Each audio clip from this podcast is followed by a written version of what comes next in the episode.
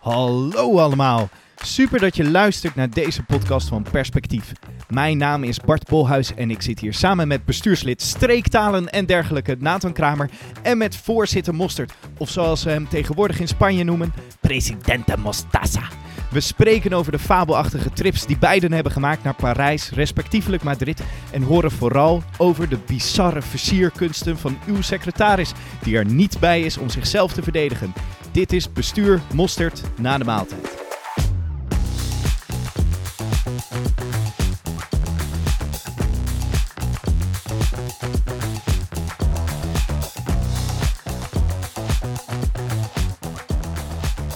Yes, aflevering 3 alweer van Bestuur Mosterd na de maaltijd. En we zitten hier met Jens Mostert, de naamgever en ook nog eens voorzitter van Perspectief. En ik zit hier met Nathan Kramer, eh, bestuurslid politiek. Een hoge afvaardiging van het bestuur. En we gaan het hebben over jullie plezierreisjes voornamelijk. Ga je daar maar nou, eens Nou, nou, nou. even over verantwoorden naar alle leden.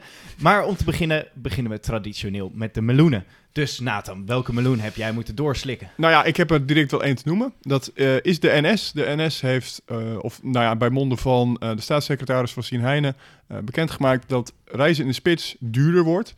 Eh, of daar willen ze mee gaan experimenteren. Ik dacht vanaf 2025. En daarmee maken ze de trein nog minder aantrekkelijk voor de gewone Nederlander. En maken ze het nog meer een soort luxe product eh, dat slechter en slechter gaat rijden. Ik vind het ook wel een beetje een eufemistische term. Experimenteren met hogere treinprijzen. Ja, het is ook. eh, Het wordt ook gepresenteerd als een soort van ja, kan het wel, kan het niet. Maar je weet eigenlijk dat het er nu al doorkomt. En ja, het is een, een jammerlijke focus op. eh, vooral bij de consument neerleggen wat er eh, aan inkomsten kan worden gehaald. Eigenlijk vooral uit de politiek. Want die is nog steeds veel gefocust op meer wegen en meer onderhoud voor de autobezitter. Dan voor het spoor. En wa- waarom is dit een meloen voor jou? Nou ja, ik ben een zeer vervent treingebruiker. Ik stap elke dag eh, stap ik er wel in, eentje in. Meestal ook in Delft en meestal ook ergens dan naartoe. En, eh, ja, en verder, het gaat ook gewoon onze generatie aan, omdat het klimaat eh, hiermee, nou ja, een streepje weer achter krijgt. Ja, en je moet ook mensen overhalen om Ja. OV te kiezen. Als in, nu reist 1 miljoen mensen rijdt dagelijks met het OV. Nou, dan moet, daar moeten er Dan nog moet Ja, wel dat 16 kan, bij. kan een stuk beter. Ja. ja. Ja, maar ze doen het vast niet voor... Ik bedoel, als ze het goedkoper zou kunnen, zouden ze het toch goedkoper maken, zou je denken?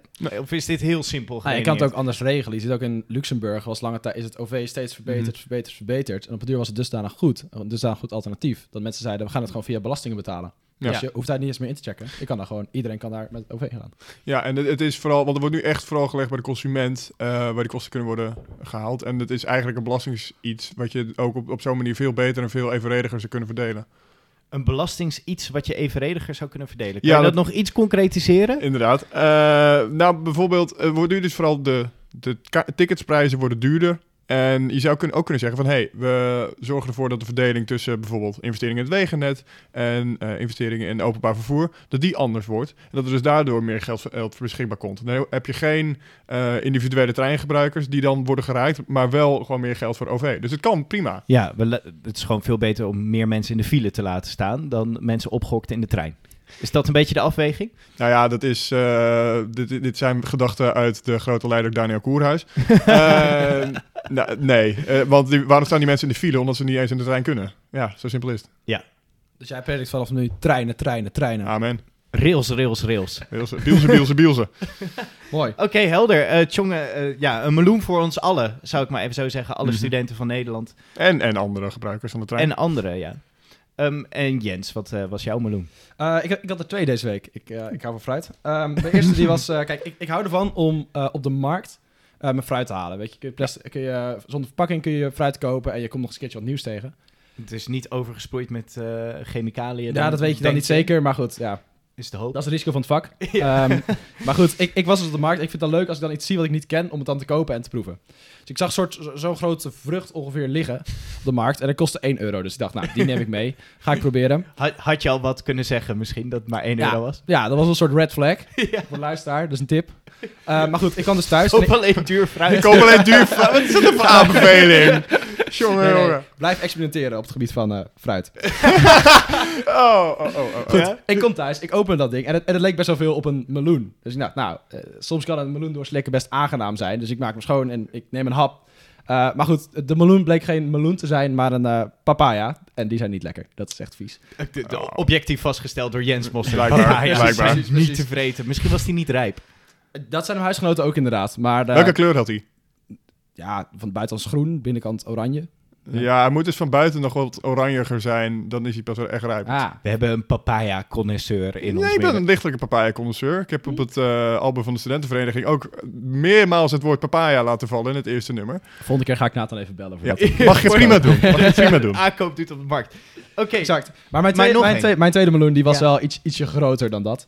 Eh, zoals mensen weten, of misschien niet weten, maar goed. Ik was afgelopen nou, week, eh, weekend, was ik in Barcelona en Madrid. Eh daar was ik samen met Annelle en eh Nathanael, ons bestuurder internationaal en secretaris. En we gingen daar met de trein naartoe, want we zijn duurzaam. Mooi. het kostte ons een flinke duit. Ehm, maar goed, je gaat volgens met de trein, want je hebt idealen. Ehm, en ik had een foutje gemaakt. Ik had net iets verkeerd geboekt, waardoor ik het Thalys-ticket ehm, van Rotterdam naar Brussel, per maar één keer had geboekt.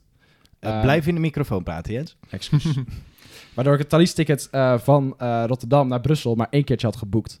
Eh, en die was op mijn naam. Ik kon het niet veranderen. Het is een beetje lullig, maar Nathanael en Annelle moesten dus een uur eerder met de Intercity naar Brussel in plaats van met de Thalys. Oké. Ehm, dus hun gingen een uur eerder en ik een uur later stap ik dus in de Thalys. Nou, lekker. Ik was er dus, hoefde een uurtje minder te reizen. Maar er stond een trein stil op de HZ-lijn. En daar hadden Annelle en Nathanael natuurlijk geen last van, want die gingen daaromheen, want die gingen met de normale trein. Maar ik wel. Ja. Dus mijn trein had een half uur vertraging. Kan gebeuren. Kan gebeuren, weet je wel. Maar goed, op Brussel mis ik dus ook mijn volgende Thalys richting Parijs. Um, nou, een half uurtje daarna. Maar op uh, Parijs moesten we de trein naar Barcelona hebben. En we moesten nog overstappen van Parijs-Noord naar Parijs-Car de Lyon, heet het geloof Ja, ik. dat is Car de Lyon. Ja. Uh, nou, dat is ongeveer een goed half uur reizen. En ik had een 10 minuten. Dus ja, ik zat, uh, dat is jammer. Dus ik zat te balen in de Thalys. En die vrouw zei, ja, dat is je eigen schuld. Want je had die, uh, die overstap ruimer moeten plannen. Het is de eerste keer zeker dat je met de trein reist. ja, dat klopt. Feut.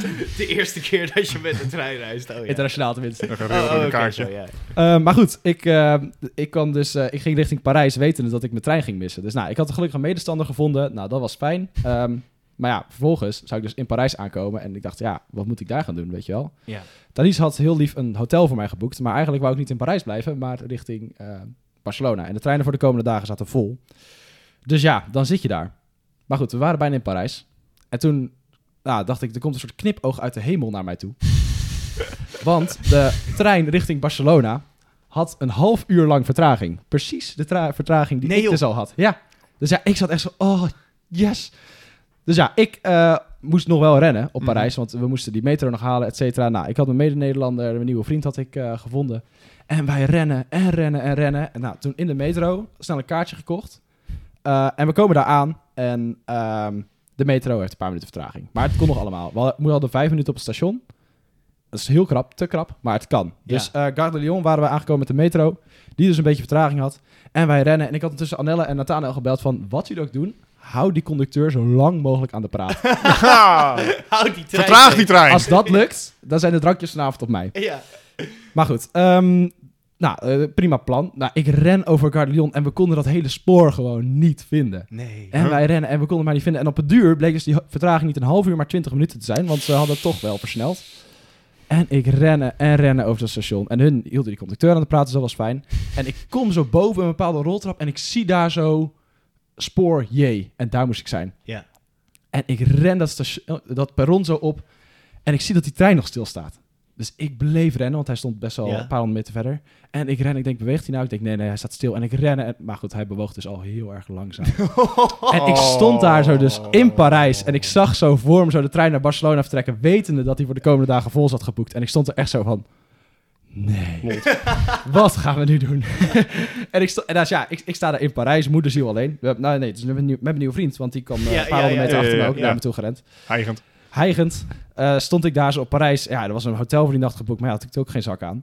Um, dus ja, wij naar, maar naar een ticketbalie en dat duurde en dat duurde. Dus ja, we stonden daar een half uur lang in de rij. En toen was ik dus aan het appen met hun. En ik zei, ja, hij zit voor de komende dagen vol. Want had de conducteur in de Thalys al tegen me gezegd. Dus ja, dat was natuurlijk een probleem. En de volgende ochtend ging ook gewoon een trein vanaf Barcelona richting Madrid.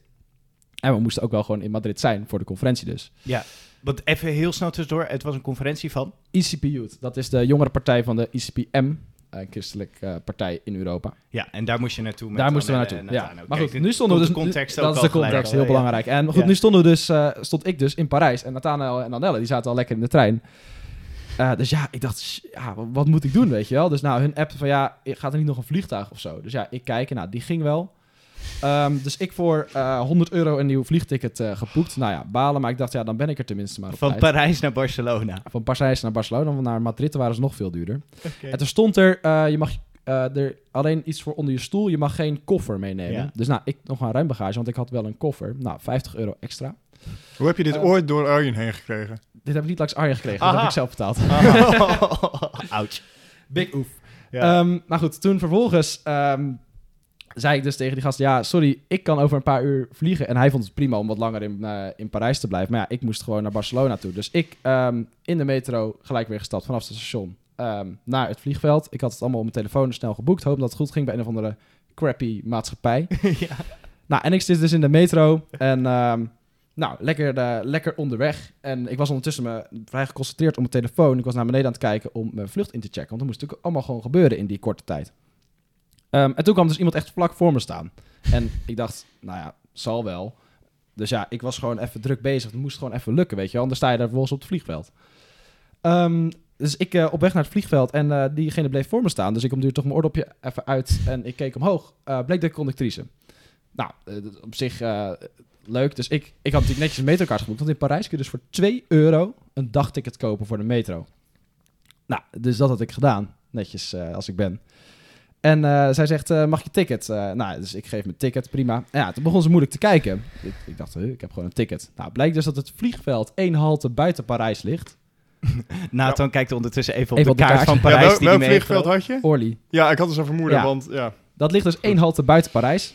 Dus eh, die vrouw zei, ja, sorry, je hebt geen geldig ticket. Je hebt een ticket voor in Parijs, niet voor buiten Parijs. Ja. Dus nou ja, ze zei, de, de boete is klein. Dus nou, ik zag de 35 cent intikken. Ik denk, nou, dat is netjes. Maar goed, daar kwamen dus nog twee nullen achteraan. ja. en ik mocht nog een ticket kopen, a 11 euro. Nou goed, Oh. ik was gelukkig eindelijk op het vliegveld. 200 euro Krijg ik daar te horen dat ik gewoon mijn koffertje had kunnen meenemen de cabine in. Maar dat is voor de gemak eventjes gezegd op de site dat het precies andersom was. Dus nou, nog 50 euro down the drain. En eh, nou goed, eindelijk maar toch dus die avond kunnen vliegen. Ik zou s'avonds laat ergens in Barcelona aankomen, rond half twaalf geloof ik. Eh, en ik zat in dat vliegtuig en ehm, eindelijk maar toch. En toen was echt even zo'n momentje van poe poe, eindelijk. En misschien gaat het nu toch nog allemaal goed komen. Ja. En ik zit daarin. En natuurlijk, het vliegtuig. Dat ging niet weg. Dus ik dacht dan... We zouden een kwartier geleden volgens mij gaan taxiën. En ik hoorde ook maar niks. En ik dacht, nou ja, goed, zal wel. Ik had een goed boek meegenomen. Dat is. Leven na de Groei. Nou, aanrader. Zeker als je heel erg lang moet wachten. Gelijk even een plug, ja. En eh, nou, toen op een duur, na 20 minuten, dachten ze... Nou, toch maar vertellen wat er aan de hand is. Bleken er stakingen te zijn. Hey. Waardoor we niet konden gaan taxiën. Dus uiteindelijk was een uur later konden we gaan taxiën. En kwam ik echt super laat in Barcelona aan. Nou, en toen ik daar Annelle en Nathanael weer zag, nou, toen ben ik toch even de armen gevlogen. Ik zie nu echt een soort Madagaskar Ja, ja, exact, exact. Huilend, huilend. Ja, dus dat was mijn eh, Oké, jongen, Ja, wat een meloen. Ja. Eh, ongelooflijk dat je toch nog eh, er bent gekomen. Eh, laten we maar heel snel doorgaan eh, naar de reizen die jullie hebben gemaakt. Want eh, het toeval eh, wil dat Nathan, ik denk ongeveer toen, een dag daarna... Ook, Ik was, was er al. jij was er Nee, al? nee, nee, nee, nee, wacht. Nathan was ook in Parijs. Ja, ik was, ik ook in Parijs. Waarvoor was jij in Parijs? Ehm, ik was in Parijs voor het eh, JEP-congres, de Youth European People's Party. En dat is anders dan ISP Youth. Eh, wel, ja, de European People's Party, of Europese Volkspartij in goed Nederlands. Eh, daar zit nu de CU eh, Euro-fractie in het Europarlement ook bij. Ja. Eh, maar we zitten nog een beetje in de clinch over wat we als perspectief daarmee willen doen. Dus we gingen op verspiedingstocht, want eh ISP Youth en JEP hadden allebei hun congres op dezelfde tijd gepland. Dus ik ging naar Parijs en de secretaris, voorzitter en internationaal ging naar Madrid. En mijn reis ging trouwens ontzettend soepel. Ik, ben binnen, ik heb 10 minuten gewacht op Rotterdam. Ik zat in de trein en ik was binnen 2,5 uur, of ja, om 2,5 uur was ik al op eh, Parijs-Noord. het kan dus wel. Het kan, het kan prima. Ehm, en verder, ja, ik heb daar eh, veel gesproken met andere, eh, zelfs buiten Europa, een hoop lidstaten. eh, of, nou, niet lidstaten. Maar die waren er dan wel. Ja, die waren er wel. Dus bijvoorbeeld Libanon heb ik daar een christendemocratische jongerenpartij vertegenwoordiger van gesproken. Lachen. Waren ook een paar Oekraïners. en volgens mij ook een... nee, die waren er niet bij, maar er zijn ook bijvoorbeeld Koerden bij aangesloten. Het is best wel een bond gezelschap. Oké. En, eh, Leuk. Ja, ontzettend. En, en, en de mooiste eh, zaaltjes van binnen gezien, zag ik op je Instagram. ja, ja, we zijn in de Senaat, hebben we vergaderingen gehouden. Eh, dan, dan, dan sta je daar... Ja, Ja. heel degelijk. Dan sta je er ook met alle grote van de Franse geschiedenis die je zo aan zitten te staren vanaf het plafond. We zijn in Les Invalides geweest. Wat is dat? Ehm, Les Invalides is het, of, ja, het hospitaal voor veteranen van Frankrijk. Wordt nog steeds ook gebruikt. Is, ik denk, in de 17e of 18e eeuw een keer opgericht. En je hebt daar dus ook de gouverneur van de invaliden. Dat is een van de hoogste rangen binnen het Franse leger. We hebben daar niet één, maar twee eh, generaals van gesproken. De huidige en de, eh, zijn voorganger. En daar eh, is ja, is, en de tombe van Napoleon is daar heel bekend. Want dat, dat, dat hebben ze daar in de grond gegraven. En daar heeft hij zo'n gigantisch groot, onnodig potsierlijke kist staan. Eh, dat hebben we gezien van binnen. Oké, ja, nou, overal hebben en heel, heel veel dingen gezien. Eh, laten we even eh, tot de kern komen. Namelijk, ik wil graag even van jullie weten... wat was het hoogtepunt daar? Wat was het dieptepunt? En wat neem je eruit mee? Ook voor perspectief. Ook ter verantwoording dat jullie nou zo parmantig en plezierig Nou, lopen was, te paraderen op de boulevard in Barcelona. En jij in al je wanstaltige... Flaneur.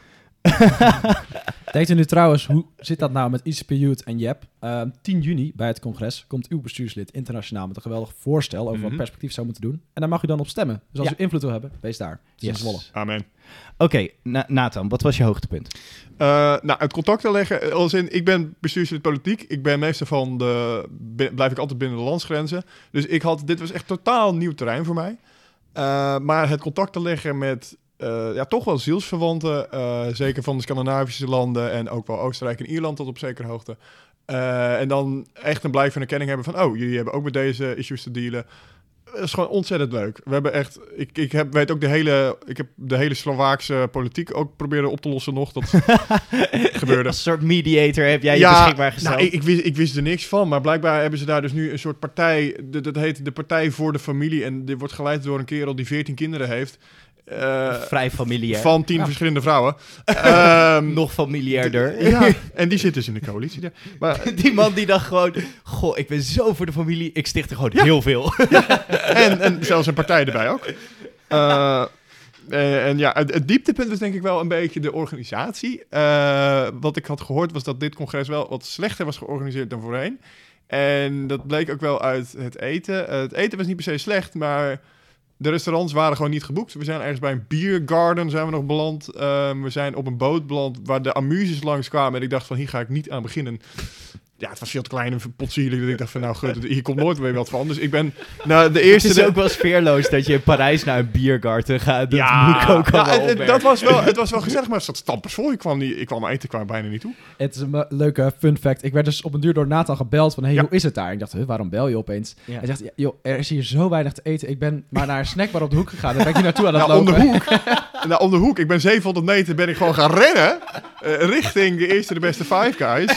Eh, Uitgehongerd. ja, en nee, maar ik, kwam- en ik kwam terug. Zo met, rennend met, al die, met die hamburger in mijn hand.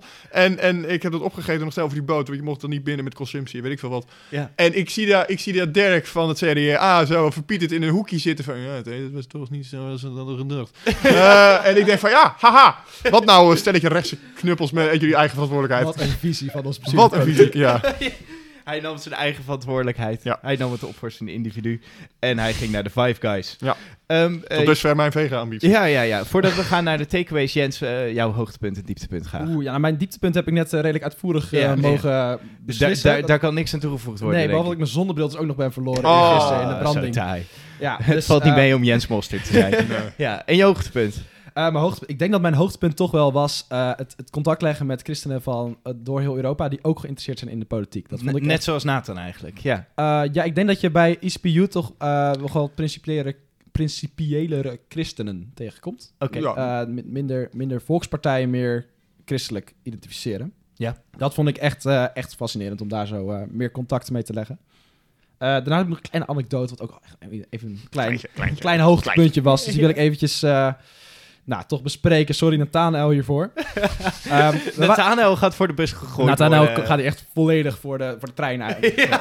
Uw secretaris. Ja, goed. Anyway, uw secretaris. Eh, er was, er was eh, heel veel leuke mensen in de groep. Eh, waaronder een eh, Macedonische dame, die, die, die ook eh, qua uiterlijk ook eh, sprekend was. Ja. En dat had uw secretaris opgemerkt. En uw secretaris eh, ging dus op vrijdagavond met haar praten. En we waren op een soort eh, verjaardagsfeest daar aangekomen. Eh, het was in een soort cafeetje, maar wij mochten daar toch naar binnen. Dus eh, wij stonden daar. Wa- wacht even, je was op een congres en toen was je op een Ja, verjaardagsfeest? En wat een S'avonds- na het eten was er Ja. geen programma. En wij konden dan dus nou, eventjes de stad in of iets dergelijks. En nou, daar hadden we wel zin in, dus we gingen nog even ergens wat drinken. En toen nou, zoek je een plek, waar kunnen we terecht? En dat was dus in een cafeetje, maar daar was ook een verjaardag tegelijkertijd aan de gang. Eh, dus er stond ook gewoon taart en zo. En ondertussen stonden wij daar een beetje een drankje te doen. Oké, en, en toen spotte Nathanael een Macedonische deerne. Zeker, zeker. En eh, hij dacht, eh, nou, Gala komt er weer aan eh, van mijn studentenvereniging. Ik ga eventjes zorgen dat ik ik zoek het internationaal. Ja, exact. Nou goed, en Nathanael begint met haar te praten. En hij begint gewoon allemaal geschiedenisfeitjes en zo te gooien. Hele verhalen over Alexander de Grote. En Annella en ik stonden echt te kijken van... Wat gebeurt hier? En waarom werkt het? Want ze stond sprakeloos naar Nathanael te kijken, vol verwondering. En nou, Nathanael vond het ook allemaal geen straf. Nathanael, oude charmeur, joh. Exact, exact. nou goed, de volgende dag, ehm, het riedeltje eigenlijk opnieuw, hadden we dus weer een hele dag congres gehad, s'avonds gegeten en toen gingen we weer eventjes de stad in. En eh, nou, dat was, dat was een plek waar wat meer muziek aan stond, et cetera. En eh, nou ja, da- daar werd eh, een beetje gedanst op z'n Barcelona's natuurlijk. En nou, Nathanael en ik stonden daar naast elkaar en die, die Macedonische dame en haar vriendin stonden ergens te dansen. Maar ja, Nathanael moest natuurlijk even met haar gaan praten. En nou, Ja. uw voorzitter en secretaris zijn natuurlijk goed op elkaar ingewerkt. Dus ik geef hem een klein knikje. Ik zeg, ben je er klaar voor? dus ik leidde haar vriendin eventjes af. En Nathanael, die ging ervoor. Die ging de salsa dansen. Oh, oké, oké. Dus hij was, hij was daar lekker bezig, weet je wel. Lekker genieten van het Zuid-Europese leven. En toen kwam ik Rodi tegen. Voorzitter SGP-jongeren. Ja. En die zegt tegen mij, zeg Jens, weet Nathanael dat zij een vriend heeft? Ik zeg, nee. Oh. Is dat echt? Hij zegt, ja, ja, ja. En dat ga ik hem nu vertellen. Oh nee. Dus Rodi loopt daar sierlijk loopt hij daar naartoe. Die, die flaneert dans. Ja, die de SGP met de salsa richting die dansvloer. Ja, om de salsa, hij- brengen. bewegelijk eh, ging hij richting eh lidpost. en eh, hij zegt zo eh, tegen hem van... eh, ja, ehm, niet om het een of ander, maar weet je dat zij een vriend heeft? Dus Nathanael, nee, rot op. nee, nee, nee, echt. Dus toen uiteindelijk zei Nathanael, die had niet heel erg lang meer nodig om na te denken. En in een split second gaat zo al dansend met Rodi mee weg van die dame. En die hebben niet meer gesproken de rest van de avond. Oh, oh, oh. oh. Nou goed. Ja. Eh, de, eh, Jongen, ik ben er even van ontdaan. Ja, Eh, hoe, hoe moet je hier nou überhaupt een bruggetje aan krijgen? nou, het is vooral eh Nathano in ieder geval die weer... eh, nou, ik, ik ben wel trots op hem dat hij het voor elkaar heeft gekregen... om echt met zijn passie iemand Ja, dat is mooi. helemaal eh, te verwonderen. En gewoon op de inhoud, hè? Dus. ja. Zo zijn wij. Wij zijn zijn niet van heel de veel inhoud. andere Eh, als we het toch over inhoud hebben, eh, daar hebben we het bruggetje. Ja. Eh, wat zijn de takeaways? Wat hebben jullie daaruit meegenomen, ook inhoudelijk gezien? Eh, Europese PO, misschien heb je wel nieuwe politieke inzichten opgedaan... of juist eh, nieuwe passies of, of lessen geleerd van eh, andere eh evenknieën, Mhm. om maar zo te zeggen. Ja, nou zeker wel lessen. Ehm, het- we noemen het wel eens vaak, maar ik denk dat het echt vorige week wel echt is binnengedrongen van... als Nederlanders hoeven wij, klagen wij echt soms iets te veel over onze situatie. Ik heb daar dus op het congres van JEP in Parijs ook gesproken met een Libanees. Die jongen is tegenwoordig ook huisarts in Parijs. Maar hij probeerde dus de jongere tak van... Nou ja, wat de CU, CDA een beetje is in Libanon op te zetten. Jemig. hij, eh, Oké. en je hebt dat te maken met Hezbollah, die al, al een soort staat in een staat is. Je hebt al nog die explosie in Beirut, die nog niet is opgelost na 2,5 jaar en waar niemand aansprakelijk voor is gehouden. Je hebt nog een, een crisis met inflatie die nog veel hoger is. Je hebt daar, bij eh, Libanon zelf heeft 4 miljoen inwoners. Ze hebben 2,5 miljoen Syrische vluchtelingen op dit moment. Ik stond er echt bij te kijken en ik dacht van, ja, wij hebben... eh, ja, stikstof, dat is... eh, ik, ik durf er bijna niks meer te zeggen, joh. Ja, Eh, ja, dat is wel een van dus de je hebt dingen lessen. in eh, perspectief even gezien. Ja, en Ja. ook binnen Europa zijn er nog echt... Nou ja, we hebben het nog wel redelijk goed als Ja. Nederlanders zijn. Dat is wel goed goed. om te realiseren. Ja. Ja, ik, ik herken dat zeker. Ik sprak Mhm. daar met een Oekraï- Oekraïense dame en nou, dat, Ja, dat dat spreekt, voor, zich. ja. Dat spreekt Ja. redelijk voor zich, maar ook, dat, ja, dan komt het toch weer een soort van binnen als je daar als jongere toch een soort van gelijk met elkaar staat en dat, je, dat jij dus inderdaad je druk maakt over de dure treintickets, et cetera. Wat Ja. ook echt wel terecht is, maar Dat staat wel even in, eh, in Ja. perspectief. Ja, ja in verhouding. Oké, nog andere lessen? Wel, ik, ik, ik heb ook wel uh, de, nou, de Franse politiek wel wat meer kennis meegemaakt. Want het werd gehost door Les Républicains, uh, of uh, de jongere tak daarvan. Ja. ik vond het, ze hebben een heel zieloos partijkantoor. En dat straalde stiekem ook wel een beetje af op hun partij. want, nou ja, dat heeft Sarkozy hebben ze nog geleverd. Ze gaan ook niet meer zo lekker tegenwoordig, toch? Nou ja, in de Senaat zijn ze nog de grootste partij, Oh, maar dan in het assemblee dan weer niet. Ja. Uh, ze gaan van onder her en ze zijn echt rechts geworden, heel rechts geworden de afgelopen tijd. Ja. Uh, maar de Fransen kunnen politiek zoals wel echt tot de kunst verheffen. Want het was nou, de pensioenprotesten, dat is bijna niemand ontgaan. En het was nu net een beetje gaan liggen. Maar overal op straat zeggen nog wel gewoon alle aantekeningen. Ik heb ook nog nooit zoveel guillotines gezien uh, getekend op advertentieborden. uh, Sfeertje daar. Nou, het is grimmig, maar... Het, het, het, het, hoort daar wel bij de cultuur. Ja, maar je had, je had ook gewoon, je had dan de Senaat. En had dan aan de andere kant stond dan, nou, de, niet de Parijse opera, maar een Parijse opera. Ik weet even niet meer welke. En daar hing gewoon gigantisch een spandoek naar beneden met, met 64 non. Uh, dus 64 nee. Ja. Dank u. Dus, graag gedaan. En, en die speelsheid en uh, ook een beetje trois de vivre, om het zo maar te noemen, die de Fransen soms dan wel gewoon in de politiek durven te steken. Ja. Nou, ik, ik, ik waardeer het eigenlijk wel. Oké, okay, dit is gewoon de Franse cultuur. Ze durven wel Neem een beetje jij te mee dromen, in ja. jouw uh, inzet in de Nederlandse ja, politiek. Een verplaatsbaar feest. Ja. ja. en Jens, uh, jij nog een les? Um, ja, zeker. Um, ik, ik denk het grootste inzicht is toch wel met dat je met uh, christelijke politici uit andere landen spreekt, dan kom je erachter hoe uniek die ChristenUnie is. Mhm. Mm -hmm. um, want in andere delen van Europa is dus altijd op het moment dat jij christelijk bent, ben je rechts. En Ja, best wel ja, flink ja, rechts. En dat was wel een, een interessante take-out. En uh, nou ja, goed, er kwam bij daar natuurlijk als perspectief aan, die toch wat meer richting de linkerkant dan uh, leunt. Zeker in zo'n gezelschap als, daar, als dat. maar dat was dan een, nou, daardoor komen er interessante gesprekken op gang. Maar het leuke is dat je dan dus, met dat je dingen als medemenselijkheid gaat bespreken of uh, illegale prostitutie, dan kun je elkaar weer best wel vinden. Ja. En uh, nou, daar probeer ik dan ook de brug richting een humaan asielbeleid te doen. En nou, leuk, interessant gesprek gehad. Ja, okay, was mooi. Oké, ja. okay, nou, dat is super. Ja. Dus we hebben Mooi. ook zelf nog uh, Ja. wat invloed kunnen hebben. Ja, Nou, en inhoudelijk ook nog wel. Uh, we hebben daar zo, dus vrijdag en zaterdag was echt het congresstuk. Uh, en toen op zaterdagochtend was er ook wel de, de. Uh, en toen nou, ook wel interessante dingen uh, daar zo meegenomen. Uh, we hebben wat uh, resoluties doorheen um, ge Gejast, wou je zeggen. er zat een beetje tijdsdruk achter. Vandaar. Wat voor resolutie, even heel snel? Uh, nou, uh, om bijvoorbeeld de begroting voor het komende jaar, uh, voor het komende jaar af te krijgen. Pretty basic. Ja, en dan nog een Ja. beetje gepusht op een jaarplan. En nou, tegelijk ook wel gewoon gezegd, het is een, het is een organisatie die aan het bouwen is, uh, van, yo, voel je ook vrij om bij ons aan te kloppen. Dus dat was wel waardevol om ook daar inhoudelijk wat te doen. En ondertussen een beetje nagedacht over de toekomst van ICPU, want hij is dus echt veel kleiner dan een JEP, dus de politieke Heel impact is echt veel kleiner. Ja.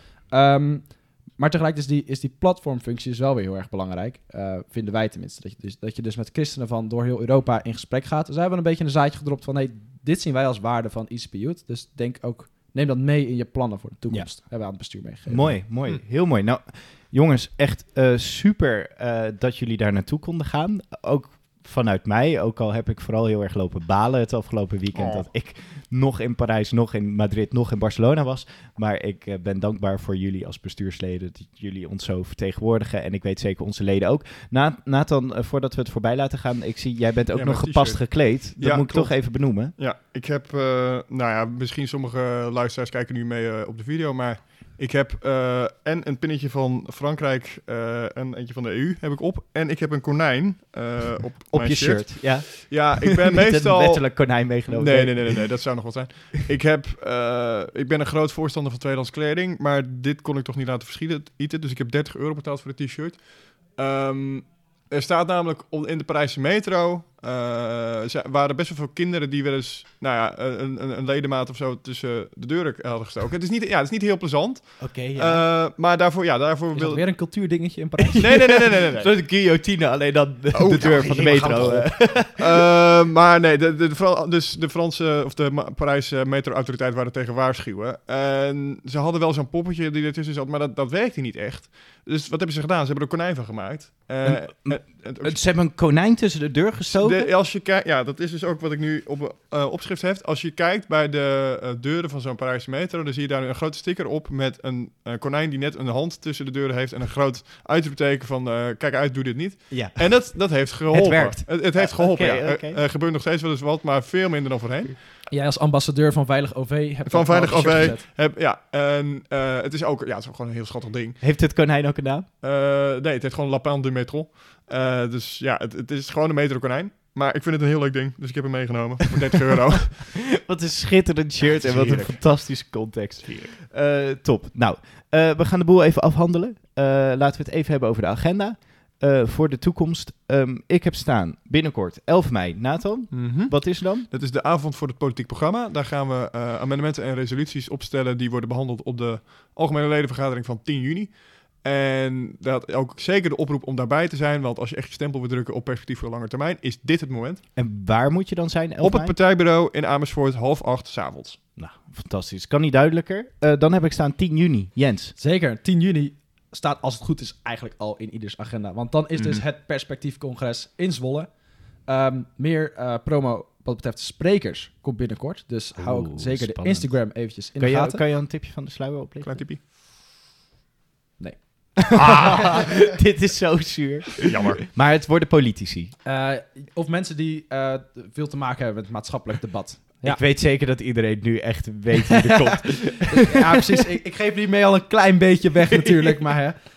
Eh, en we gaan daar dus stemmen over die eh, Europese PO's, wat perspectief daarmee zou moeten doen. Dus hou dat ook zeker in de gaten. Dat wordt, eh, nou, daar kun jij dus de toekomst van Europa gaan bespalen. bepalen. Bepalen Ja. de toekomst van Ja, de hele exact. Europa. Van alles. Ursula van der Leyen is uitgenodigd. We moeten even kijken of ze ook daadwerkelijk komt. Maar ja, In debat met Jens Mostert. Ja, ja, ja, ja, ja. Eh, en als laatste puntje, eh 2 tot 9 juli eh, gaan wij eh, ook naar het buitenland eh, als perspectief. We gaan namelijk naar Taizé, eh, een kloostergemeenschap. Eh, en iedereen is van harte uitgenodigd, binnen perspectief, buiten perspectief, om met ons mee te gaan en daar eh, internationale contacten op te doen rondom ehm, meer een vorm van bezinning, maar ook wel nadenken over hoe het evangelie impact kan hebben op de maatschappij in heel Europa ook weer. Ja. En zelfs daarbuiten. Ja. En nog een puntje? Oh, oh, ja, ik ook. zo, de hele agenda-setting is beter. Nou, Eh, u Nathan dan. was Eh, eerst. ja, Eh, we hebben namelijk, eh, nou ook het clip- tipje van de sluier. Het is toch niet helemaal definitief, maar de promo komt nog. Ehm, Zichtbaar geloven. We gaan samen met eh, MSA, de Moslim Studenten Associatie van Nederland, eh, gaan wij een vervolg geven aan het evenement van vorig jaar. eh, in de Jacobikerk, waar eh, we samen met ook een Joodse jongerengemeenschap het gaan hebben over geloofsvrijheid en uiting in Nederland. Het belooft echt heel vet te worden. Eh, details volgen nog, dus hou echt de socials en de nieuwsbrief in de gaten. Eh, maar 7 of 8 juni. Oké, Heel goed. Helder. Ja, en ik had net al even over Ursula van der Leyen, maar ehm, er komen nog meer prominente gasten 10 juni.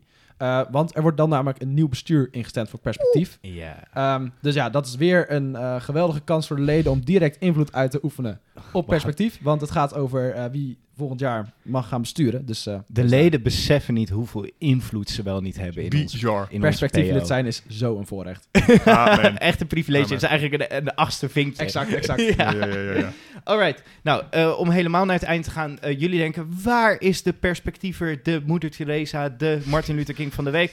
Wij weten het ook niet. Wij zijn in afwachting, Dorothee. Nu hoor je het gewoon in het openbaar. Stuur ons heel snel een audioberichtje in en nomineer een nieuwe perspectiever. Ehm, dan, dan gaan we het nog even eh, analyseren we, hoe jullie profetenkunsten zijn ontwikkeld. Wat wordt er nieuws binnenkort? Mag ik beginnen? Eh, Ja. Je krijgt de beurt. Geweldig. Ehm, ja, wat, wat er nieuws gaat worden binnenkort is niet een heel eh, positief ding. Eh, ik ben een beetje een doemprofeet. Ja. Ehm, want ik denk dat de asielketen de komende twee maanden ehm, bijzonder gaat vastlopen. Zeker. Eh, je ziet nu op de Griekse eilanden zie je de aantallen oplopen. En dat is een kwestie van tijd voordat het in Nederland aankomt. Het afgelopen jaar is er gewoon heel erg weinig gebeurd op het punt van asiel als je het hebt om, vanuit het kabinet. Dus ik, ik zie niet in waarom het deze keer wel goed zou gaan. Ja. Misschien dat ze het theoretisch gezien dat ze net een, een tentje neerzetten waardoor mensen dan op theoretisch gezien niet buiten slapen, maar de Ja, kans ze is gewoon spannen er een boek onderheen. ja, boek exact, exact. overheen. Maar ehm, ik, ik Ja. zou eh, wel graag eh, onze oude partijleider Gert-Jan Segers willen citeren. Die zei op het vorige congres, op het moment dat de mensen buiten slapen, is voor ons de maat vol. En wat mij betreft moet de ChristenUnie ook zeker die lijn aan gaan houden. Want het, is, het kan niet dat in een rijk land als Nederland dit soort dingen gebeuren. En die lijn die gaan wij zeker wel aanhouden als perspectief. Als Zeker. er mensen onder de hemel liggen, zei je? Ja. Is voor ons de maat vol. Nathan, Ik vermoed dat, eh, ja, ik, ik, ik, ik vermoed dat de spanningen tussen de VS en China verder gaan oplopen. Eh. Dat is niet mijn vakgebied, maar ik heb wel, ik hou het wel bij. eh, Heb je dit gewoon doorgekregen of heb je ook nog aanwijzingen? Nou ja, er zijn wel eh, wat spanningen geweest. Ik weet even niet meer exact welk incident, maar omdat de TikTok, omdat TikTok onder andere wordt verbannen in Canada en dat er nu ook wetgeving te komen in Europa erop en meerdere lidstaten, ehm, lijkt het me dat de spanningen erop wel wat meer gaan oplopen. Hoe ver weet ik niet, maar ik zie wel een redelijk negatieve lijn daarin ook, om bij de Doom Prophecy te blijven. We gaan het zien. Eh, de hele internationale politiek op zijn kop. Spanningen tussen Amerika en China. Maar in Nederland, ja, in Nederland denk ik dat, ja, stikstof, maar dat is niet echt nieuw of, of op de horizon. Dat is nu al nog steeds een, een voortkappelijk probleem en dat zie ik ook niet zo snel weggaan. Dus Nog een bouwde voorspelling van uw bestuurslid Heel politiek. positief Heel hier. Heel Stikstof blijft spelen. Ja. Nou, ja, heel als je wild. ons niet had als je een profetie tegenover... Ja, ja, ja, ja, ja. Profeet tegenover ja. ja, ja, ja. Nou, maar dat was precies de bedoeling van de rubriek. Nou, ik wil jullie heel erg bedanken voor jullie verantwoording over jullie eh, reisjes.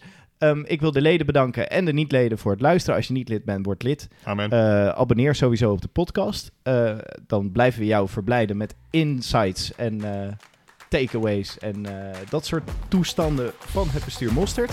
En ehm, ja, we wensen je nog een fijne week. En eh, we zien, horen. Nee, hoe zeg je dat nou als iemand anders naar je luistert?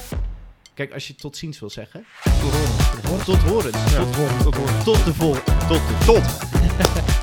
attentie, attentie. Dorothee is toch nog gekomen met een geluidsfragment. En daar gaan we nu toch nog even heel snel naar luisteren. Ah, perspectievers. Ik ben Dorothee, ik ben 23 en inmiddels anderhalf jaar betrokken bij Perspectief als een politiek adviseur. Vooral op het gebied van asiel en migratie. En ik mocht vorige week uitgeroepen worden tot eh, Martin Luther King van de Lage Landen. Dank daarvoor, Jerke. Het is wel echt een hele eer om zo genoemd te worden, maar ik weet niet of ik eh, die naam echt de eer aandoe. Ik doe mijn best. Ehm, bij deze wil ik ook een nieuw iemand nomineren en dat is David Evelijn de, onze eigen Frans Timmermans. Ehm, hij studeert een jaar in Zweden en eh, alsnog is hij heel goed betrokken bij de politiek adviseur, zowel inhoudelijk als ehm, de vormgeving. En ja, daar, ik vind dat echt knap, zeker als je zo ver weg van, eh, van Nederland bent. Ja, dus bij deze. Fijne, fijne podcast. Dankjewel Dorothee. De podcast is voorbij, maar hij was zeker fijn. En David is uitverkoren tot wat? Frans Timmermans van Perspectief. David, we wachten je fragmentje af en nu zijn we echt weg. Bye!